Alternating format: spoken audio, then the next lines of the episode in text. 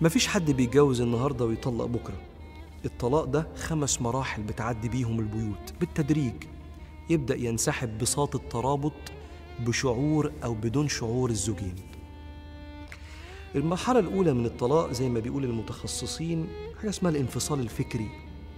يبدأ دماغ المتزوجين الاتنين تبعد عن بعض يقل الكلام بل يقف الكلام بسبب كثرة الخلافات واختلاف وجهات النظر واختلاف رؤيتهم لمعنى المسؤولية واختلاف الأهداف واختلاف الأفكار حتى في تربية العيال والمشكلة مفيش حوار يقرب وجهات النظر ومفيش حوار يقرب اختلافاتنا بحيث انها تكمل بعض لان الاختلاف رحمه فلما يقل الكلام وينقطع في اساسيات الحياه ننتقل للمرحله الثانيه وهي الانفصال العاطفي لأن وقود العواطف هو المشاركة بنخطط مع بعض وبعدين نجني ثمرة نجاح التخطيط مع بعض أو نواجه التحديات مع بعض بس المهم مع بعض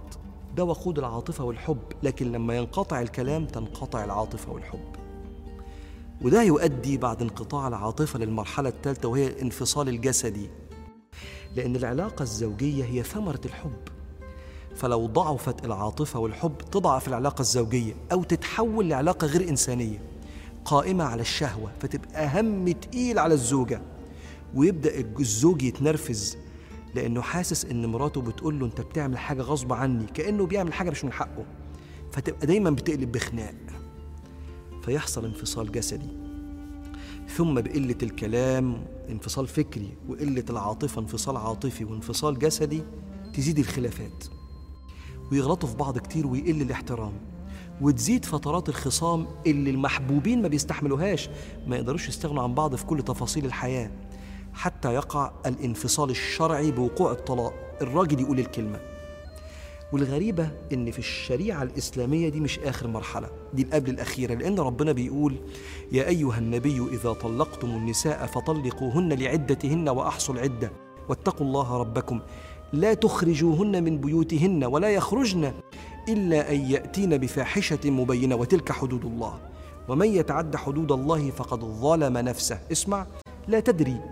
لعل الله يحدث بعد ذلك امرا معنى الايه لما الراجل يطلق الست يفضلوا عايشين مع بعض لسه متجوزين فتره العده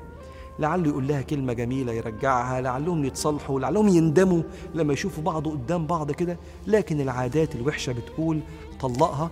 راحت عند اهلها وهو خرج مع اصحابه ويبدا بقى المصلحين لو قدروا يرجعوهم او المصلحين التانيين بتوع هجوزك سيد سيدو والتاني اصحابه يقول له عيش حياتك يا عم مبروك العزوبيه فننتقل للمرحلة الأخيرة اللي بعد كلمة الطلاق وهي الانفصال النفسي قرار من أحد الطرفين أو من الاتنين بمسح جميع ذكريات هذه التجربة من حياتي وطمس طمس كل متعلقاتها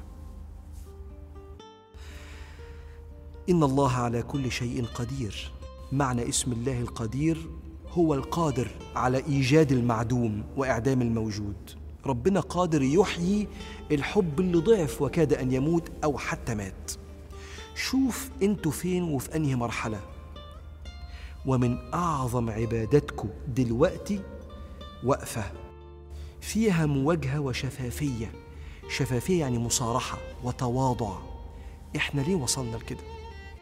إيه اللي أقدر أعمله عشان نرجع اللي كان؟ وإيه طلباتك أو طلباتك اللي أنت عايزها مني لو أقدر أعملها؟ ولو فشلتوا في الحوار ما تبيعوش بسهولة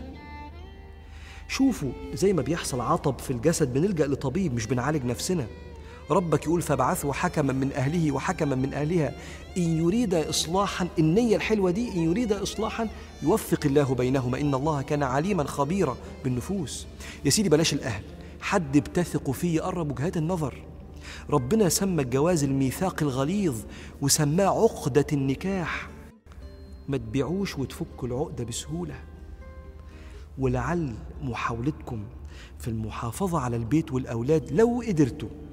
هي أكبر طاعة تأتوا بها إلى الله تنجيكوا يوم القيامة حفاظا على الميثاق الغليظ وعقدة النكاح إلا الله بيعظمها سبحانه وتعالى ولكن لو قدرتوا اللهم احفظ علينا بيوتنا واكفنا شر ما أغمنا وأهمنا